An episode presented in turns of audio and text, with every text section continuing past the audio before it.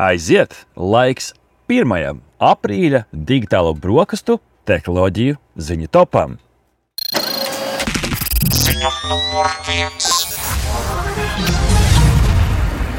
Finanšu tehnoloģiju uzņēmums Revolut ir paziņojis par savu akciju tirdzniecības pakalpojumu ieviešanu Eiropas ekonomiskajā zonā. Papildus ASV biržā kotētajām akcijām Revolut drīzumā varēs iegādāties arī akcijas, kas kotētas Eiropas ekonomiskās zonas tirgos. Revolut tirdzniecības platforma ir kļuvusi populāra starp investoriem, kas ir ieinteresēti tirgoties ar ASV esošajām akcijām. No Apple līdz Zoom vai Tesla. Vieglā reģistrācija un vienkāršā lietotāja saskaņa padara pakalpojumu viegli pieejamu plašākam jaunu investoru lokam. Tiem, kam nav iepriekšējas pieredzes tirzniecībā, Revolūta pat piedāvā sešu nodarbību kursu, kas palīdzēs iepazīties ar investīciju un tirzniecības pamatjēdzieniem pirms sava pirmā portfeļa izveidošanas lietotnē. Lai atrastu šo kursu, lietotājiem ir jādodas uz lietotnes sadaļu pārvaldības centrs un jāizvēlas sadaļa apmācības, kā stāsta portāls Kursors. Šī kopumā, Rihards, varētu būt eh, laba ziņa visiem tiem cilvēkiem, kuri iespējams ir apsvēruši iespēju, ka varētu kādu savu kaut nelielu daļu brīvo līdzekļu ieguldīt kādās akcijās, un šis pavērs jau iespējams akciju loku, ko mēs šeit Latvijas platumgrādos saprotam daudz labāk. Jo, ja zināšanas par ASV notiekošo varētu būt ierobežotas, tad jau par Latvijā notiekošo mēs gan jau daudz interesējamies daudz biežāk. Kā tu uz eh, šo raugies, vai, piemēram, šis varētu arī tevi pamudināt apskatīt kādu no Latvijas eh, biržā kotētajām akcijām? Man gan uzreiz jāsaka, ka es pats neesmu Revolut klients, eh, bet es pilnīgi piekrītu apgalvojumam, ka cilvēki pēdējā laikā arvien aktīvāk domā, kur un kā investēt savus brīvos līdzekļus, tā skaitā arī akcijās un noteikti arī um, nu, citās, citos veidos. Un tādā ziņā, protams, pluss, ka Revolūts tomēr arī ir investējis, uh, lai celtu uh, finanšu pratību cilvēkiem, par ko uh, prieks. Vienlaikus gan jāsaka, ka arī Latvijā reģistrētās bankas nu, piedāvā iespēju iegādāties akcijas, nu, kā nu kur to nosauc. Tomēr tāda iespēja ir. Pie tam tajās jau tagad var iegādāties arī, protams, Latvijas biržā kotēto uzņēmumu akcijas. Ziņa.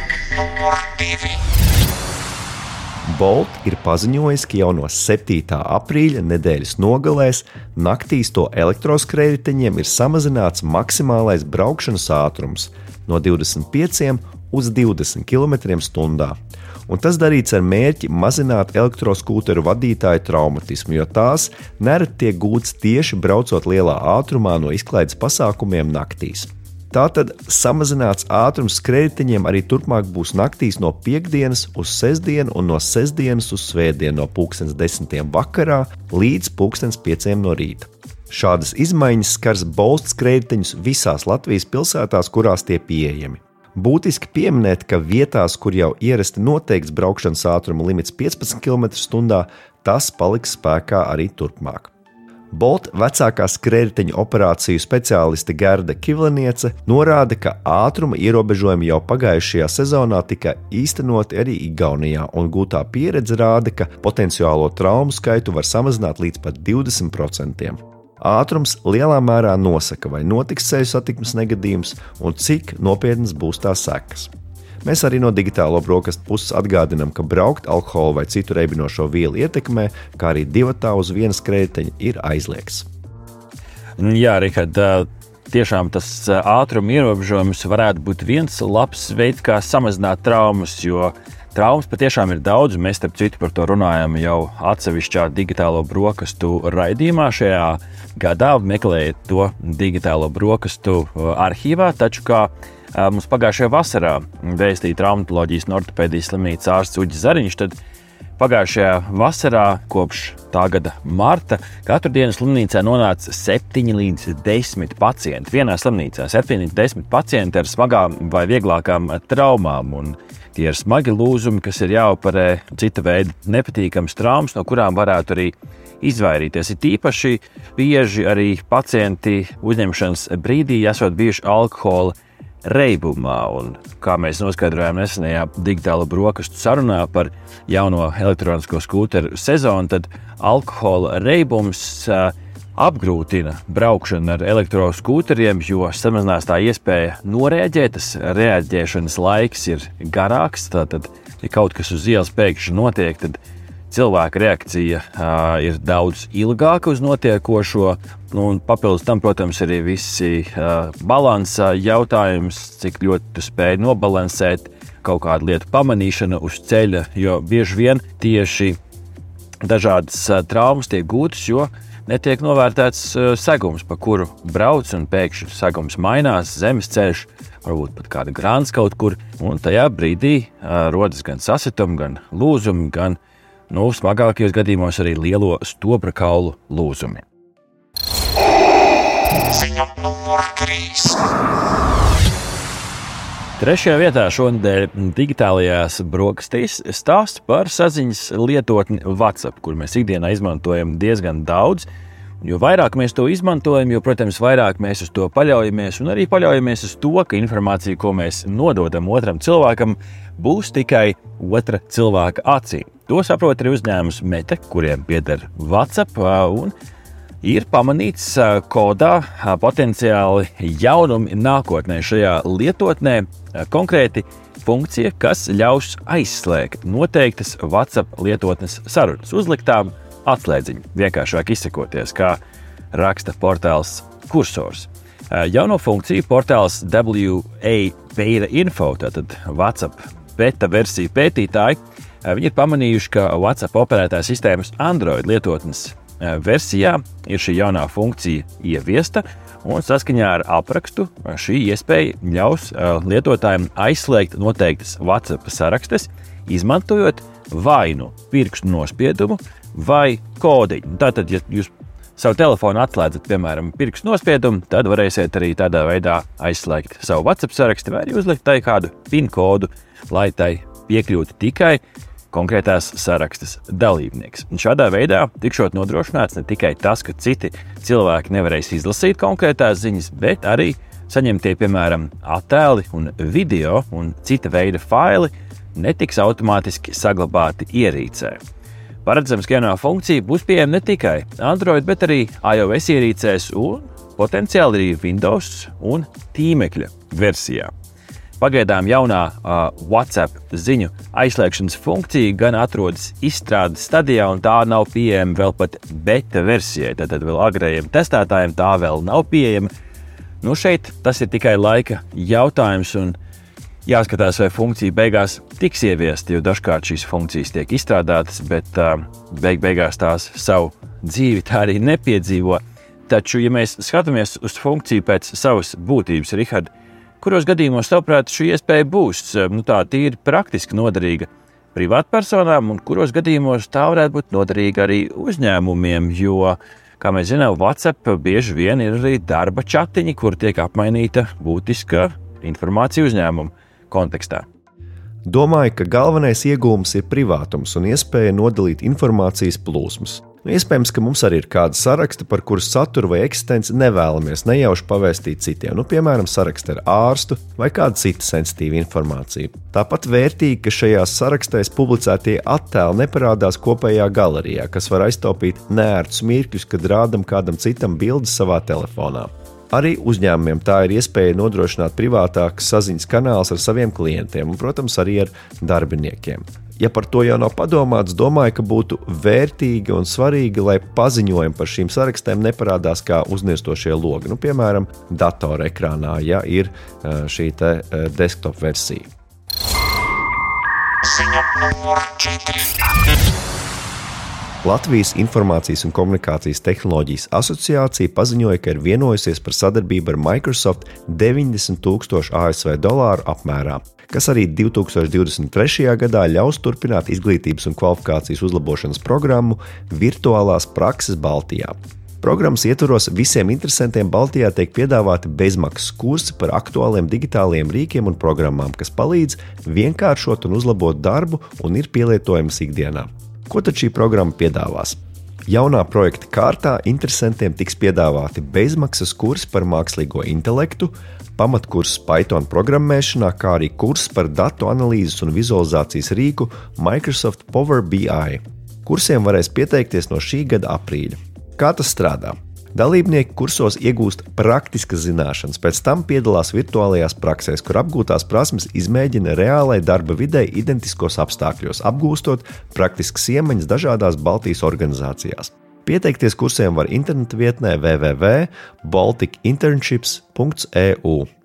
Svarīgi, ka šī aktivitāte nav orientēta tikai uz jauniešiem un studentiem, bet uz ikviena vecuma profesionāli, kas vēlas uzlabot savu zināšanas IKT jomā, kā arī savu konkurētspēju darba tirgu. Plānots, ka šogad kursus absolvēs vismaz 7500 dalībnieku. Jāpiemina, ka arī ekonomikas ministrijas publicētās darba tirgus prognozes vidējam un ilgtermiņam paredz, ka līdz 2030. un 2040. gadam darba tirgu pieaugs pieprasījums pēc IKT un veselības aprūpas jomas, kā arī zinātnes un inženierzinātņu speciālistiem. Vienlaikus šīs ir arī jomas, kurās tiek prognozēts būtisks darbinieku iztrūkums. Un kā norāda likta prezidents Signa Bāliņa, Arī citās nozarēs trūkst un nākotnē potenciāli vēl vairāk trūks speciālistu ar digitālajām kompetencēm. Tādēļ uzņēmēji tiek aicināti izmantot likta un tās partneru piedāvātās kvalifikācijas celšanas iespējas. Jā, mūsdienās, kad digitālās prasmes ir īpaši noderīgas, lai noturētos un būtu relevantam darba tirgu, tas iespējas vienkārši ir jāizmanto. Un šeit ir piemēram vēl, vēl pāris no tām minētas konkrēti Eiropas Reģionāla attīstības fonda līdzfinansētas mācības mikro un mazajiem uzņēmējiem, kā arī pašnodarbinātajiem, kas ir būtiski projekts MMU.CLV. Šīs apmācības ir pieejamas vēl līdz šī gada decembrim, un tas klāsts tur ir diezgan plašs, sākot no grāmatvedības, datu analīzes, digitālā drošība, pat Excel programmas apmācība, kas nav mazbūtiski. Turpat ir arī sociālo tīklu mārketings, tīmekļa vietņu izveidošana un tā tālāk. MMU.CLV šīs apmācības ir pieejamas latviešu valodā gan tiešsaistē, gan klātienē. Un labā ziņa, ka ERAF fonda ietvaros 70% no mācību maksas ir nosegta. Tad milzīgi, milzīgi atlaide šiem kursiem, kur noteikti iesakām izmantot. Un tāpat jāpiemina arī tas, ka šogad no 24. līdz 28. aprīlim aprīļa beigās Likta kopā ar partneriem īstenos jau kārtējo reizi Eiropas digitālo nedēļu 2023 šeit pat Latvijā. Un šīs eh, kampaņas ietvaros iedzīvotājiem un uzņēmējiem būs pieejamas dažādas aktivitātes, lai uzlabotu un nostiprinātu savas digitālās prasmes. Tā kā pameklējam Eiropas digitālo nedēļu internetā, apskatāmies, ko tad bez maksas mēs varam apgūt, lai spēcinātu sevi kā eh, darba izpildītājus un lai mūsu sniegums būtu labāks arī digitālajā vidē. Ziņa numur 5. Jau iepriekš digitālajās brokastīs esam ziņojuši par ūdeņradi kā nākotnes zaļo enerģijas avotu gan automašīnu, gan lidaparātu darbināšanai, gan arī citiem mērķiem, tā skaitā enerģijas uzkrāšanai. Tomēr vienmēr aktuāls jautājums ir bijis par ūdeņraža ražošanas procesu, kam vajadzīgs liels enerģijas daudzums. Iespējams, esam vienu soli tuvāk risinājumam. Portāls LA.CLV ziņo, ka pēc pāris gadiem ūdeņradi varēs ražot teju ikviena mājsaimniecība, jo beļģu zinātnieki ir izstrādājuši inovatīvu tehnoloģiju, ar kuru var aprīkot saules paneļus. Lēvenas Universitātes pētnieki projekta Solihard ietvaros ir izstrādājuši ūdeņraža paneļus, kas ar saules gaismas palīdzību pārvērš gaisā esošos ūdens tvaikus ūdeņraža gāzē. Viens šāds panelis gada laikā vidēji Latvijas apstākļos spētu saražot 6 kg šī vērtīgā un vidē draudzīgā energoresursa. Tātad, ja uz mājas jumta būtu 20 šādi paneļi, tad gadā tiktu saražoti aptuveni 120 kg ūdeņraža.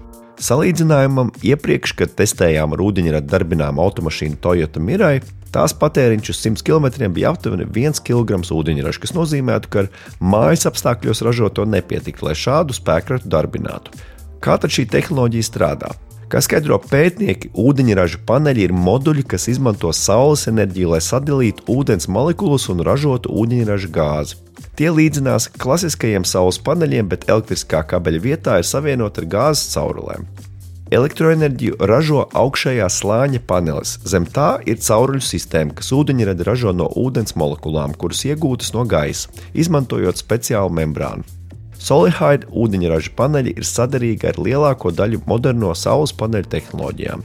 Šādi paneļi ir modulāri un ideāli piemēroti ūdeņraža decentralizētai ražošanai un šo tehnoloģiju zinātnieki plāno komercializēt 2026. gadā. Vienlaikus gan šie zinātnieki uzsver, ka būtisks ir ne tikai saules enerģijas daudzums, bet arī gaisa mitrums. Kā norāda Solihide projekta vadītājs Džons Ronge, sausākās vietās, kur nav pietiekami liels mitrums, paneļu darbība nebūs pārāk efektīva. Jā, pagaidām tas solījums par šiem saules paneļiem ir patiešām iespaidīgs. Nu, kā zinātnieki ir novērtējuši, tad 20 paneļi nodrošināšot elektrību un siltumu labi izolētai mājai ar siltumsūkni visas ziemas garumā. Tad, tad ir pāris nosacījumi. Izolācija, siltumsūknis, bet kombinācijā ar, ar šo tehnoloģiju visas ziemas garumā siltums un uh, elektrība nodrošināta. Izklausās jau ļoti, ļoti daudzsološi. Nu, kā gan mēs arī paši agrāk uh, digitālajās brokastīs pagājušajā gadā, kad mēs testējām arī uh, ūdeņraža auto, kā mums skaidroja Helmuts Ozoliņš toreiz, tad nu, ūdeņradim, protams, ir daudzi plusi, bet arī daudzi mīnus, ar kuriem ir, vai, vai izaicinājumi, ar kuriem ir jāstrādā. Nu, galvenais no tiem ir arī šie zudumi, kas radās. To visu ir jāglabā, ūdeņradi jāglabā zem spiediena un augstas temperatūras. Tā tad ir konkrēti nosacījumi, pie kuriem to var vispār realizēt, tad interesanti, kādus risinājumus šīm piedāvās zinātnieki. Jo noteikti, ka risinājumi ir tie, ir tikai jāatrod. Pētnieki arī sola, ka īpaši efektīvi šādi ūdeņraža paneļi būs uz lielākām platībām. Nu, piemēram, uz industriālajām ēkām, kur uz jumta, ja tā platība ir 1000 kvadrātmetri, tad šādu platību gadā varēšot saražot 2 līdz 5 tonnas ūdeņraža, kas ir vērā ņemama. Tad jau jautājums, kur to ūdeņradi izmanto. Šeit pat nesen mūsu uh, paplašinātajā sarunā ar Martinu Gausu, Baltiku vadītāju. Viņš atklāja, ka nu, agrākais, kad vispār, piemēram, aviācijas industrijā varētu tikt uh, izmantots uh, ūdeņradas lidaparātos, varētu būt 2035. gadu, bet turpat tie varētu būt tikai mazie lidaparāti. Un, diemžēl šobrīd tie līderi, tie tehnoloģija izstrādātāji aviācijas industrijā nu, paši neprognozē ātrāk kā 2050. gadā, kad varētu šāda tehnoloģija tikt jau plašāk izmantota tieši lielajiem lidaparātiem, ar kuriem mēs pārvietojamies vairāk ikdienā no valstis uz valsti. Ziņa numur 6. Ziņa numur 6 digitālajās brokastīs eh, no Amerikas krastiem, jo Amerikas kosmosa aģentūra NASA ir palaidusi kosmosā jaunu satelītu ar nosaukumu Tempo. Tas ir saīsinājums no nosaukuma Tropospheric Emissions – Monitoring of Pollution, jeb troposfēras emisijas piesārņojuma monitorings. Satelīts būs būtisks gaisa kvalitātes mērīgs, kas piefiksēs dažādas gāzes Zemes atmosfērā, kā stāsta portāls The Verge. Tempo satelīts būs aprīkots ar kompaktu spektrometru, kas var izmērīt gaisa piesārņojumu ar diezgan augstu precizitāti, un satelīts spēs parādīt aktuālo situāciju teju reāla laikā. Eh, satelīts mērīs tādas gāzes kā ozons, slāpekļa dioksīds, sērdioksīds, kā arī citus aerosolus un piesārņotājus. Un tad pēc tam šie dati tikšot izmantoti, lai pirmkārt veidotu pamatotāku, datos balstītu vidas politiku, lai labāk identificētu kaut kādus piesārņojuma avotus un sniegt arī agrīnus brīdinājumus par bīstamu gaisa kvalitāti kas tiek pamanīti jau diezgan, diezgan laicīgi. Satelīti konkrēti palaida ar SpaceX Falcon 9 raķeti no Kanaveralas zemesrāga kosmosa stacijas Floridā, un ir paredzēts, ka tas darbosies vismaz 5 gadus. Tempo kopumā ir daļa no NASA Zemes observatorijas sistēmas programmas, kas sevi ietver vairākas satelītu misijas, kuru mērķis ir pētīt Zemes vidi un klimatu. Starp citu, ja jums interesē situācija Latvijā, tad uh, Latvijas vidas geoloģijas un meteoroloģijas centra mājaslapā meteo.lv var atrast dažādus interesantus rādītājus, nu, piemēram, ultravioletā starojuma apjomu, gaisa kvalitāti, plūdu riska informāciju, ūdens temperatūru jūrā, kā arī upēs un ezeros, un, protams, arī ierasto informāciju par laikapstākļiem. Tāpēc ieskatieties arī meteo.lv. Ziņa numur 7. Kā esam jau ziņojuši digitālajās brokastīs, cilvēki atkal dosies uz mēnesi. Lai to paveiktu, notiek pamatīgi sagatavošanās darbi. Tā skaitā plānots cilvēku pilotētam kosmosa kuģim aplidot apkārt mēnesim. Artemis 2 misija četru cilvēku sastāvā ceļā dosies 2024. gada novembrī, un tā kopumā ilgs apmēram 10 dienas.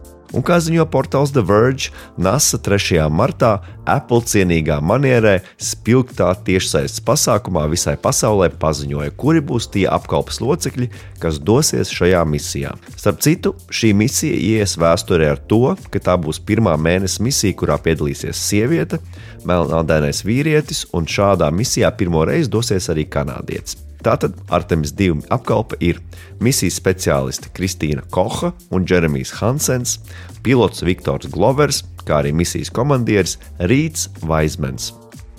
Jā, visnotaļ interesantā, interesantā laikā mēs uh, dzīvojam, kā jau mēs iepriekš esam ziņojuši. Tad uh, pagājušā gada 11. decembrī vakar pusē veiksmīgi noslēdzās uh, Artemis pirmā misija Orion lidaparātam, piezemējoties uz platformas pie San Francisco krastiem, kas bija tāds pirmais testa lidojums, vispār izmēģināt lidaparātu bez konkrētas cilvēku apkalpes uz šī lidaparāta. Tad bez cilvēkiem šis lidaparāts veiksmīgi izpildīja savu misiju, un paredzēts, ka nākamā šīs misijas daļa, jeb Artemis 2 misija, notikšot 2024. gadā, ja negadīsies kādi šķēršļi, kuras laikā tad astronauti Orion kosmosa kuģī apildos apkārt mēnesim. Pieredzēsim šādu iespaidīgu misiju. Un tad jau tālāk, secīgi trešajā šīs misijas posmā, pirmo reizi vairāk nekā 50 gadu laikā ir plānots cilvēkus nosēdināt atkal uz mēnesi virsmas. Un pašlaik šis tiek plānots ap 2025. gadu. Arti, kā tev šķiet, vai 25. gadā Artemis 3 misijas laikā būs arī oficiāls brīvdienas? Jo šķiet, ka mēs visi sekosim līdz šim notikumam ar aizturētu elpu. Nu, es nezinu, vai gluži šī varētu būt brīvdiena Latvijā. Es pieņemu, ka ASV pat gan jau ka cilvēki sekos līdzi ar aizturētu elpu šie, šiem misijas notikumiem, jo sen, sen neesam pieredzējuši, ka kāds nosēž uz mēnesi, taču varbūt arī aktualitāte būs lielāka arī Eiropā, ņemot vērā, ka arī Eiropas kosmosa aģentūra ir daļa kā partneris šajā Artemis misiju kompleksā. Es katrā ziņā pilnīgi noteikti atvēlēšu laiku, lai vērotu raķetes pacelšanos, jo nu, šis būs viens no tiem brīžiem, Rihard, kur uh, varēsim kādu uh, laiciņu vēlāk prasīt, nu, kur tad tu biji tajā reizē, tajā dienā, tajā laikā, kad cilvēki atkal nosēdās uz mēnesi. Es noteikti teikšu, ka es sēdēju pie uzmanīgi pie ekrāna un vēroju katru notikumu, jo, manuprāt, būs interesanti, jo tehnoloģijas jau mums ļauj daudz labāk sekot līdzi gan notiekošiem uz klāja, gan atrašanās vietai, konkrētai raķetei, Dati ir daudz, dati ir pieejami, un tas būs interesanti. Es katrā ziņā gaidu ar nepacietību. Ziņa numur 8.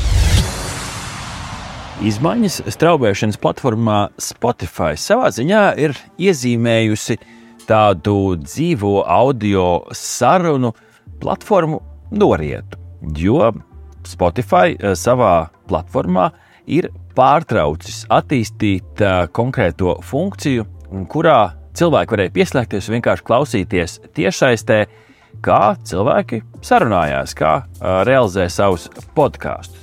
Savulaik būtiski izmaiņu šajā nišā radīja lietotne Clubhouse, atcerieties, konkrēti pandēmijas laikā.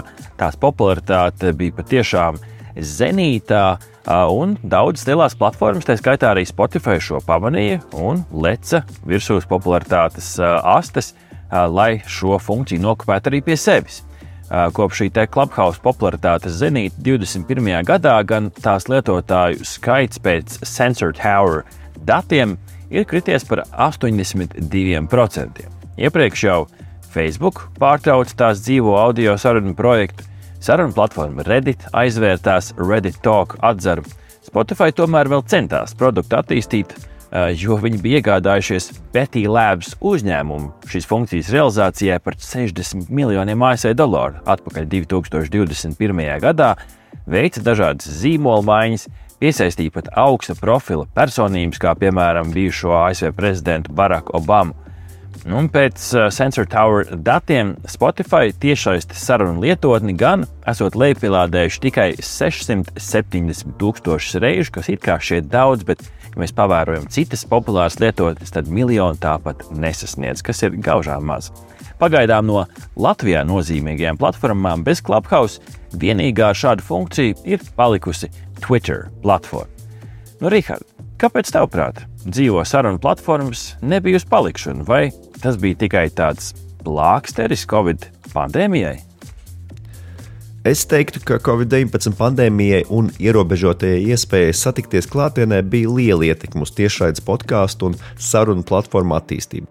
Vienlaikus domāju, ka tiešsaistes sarunu platformas nekur nepazudīs, bet tās iespējams iegūs citu veidu. Nu, piemēram, platformā Discord ar vien pieaugtās lietotāju skaits. Tāpat vēl ar vienu ir neskaidrs, kā attīstīsies metaverse sniegtās iespējas.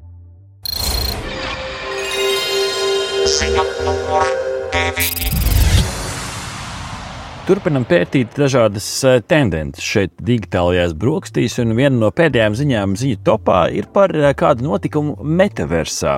Vienā no būtiskajiem tehnoloģiju pavērsieniem šajos e, pēdējos gados.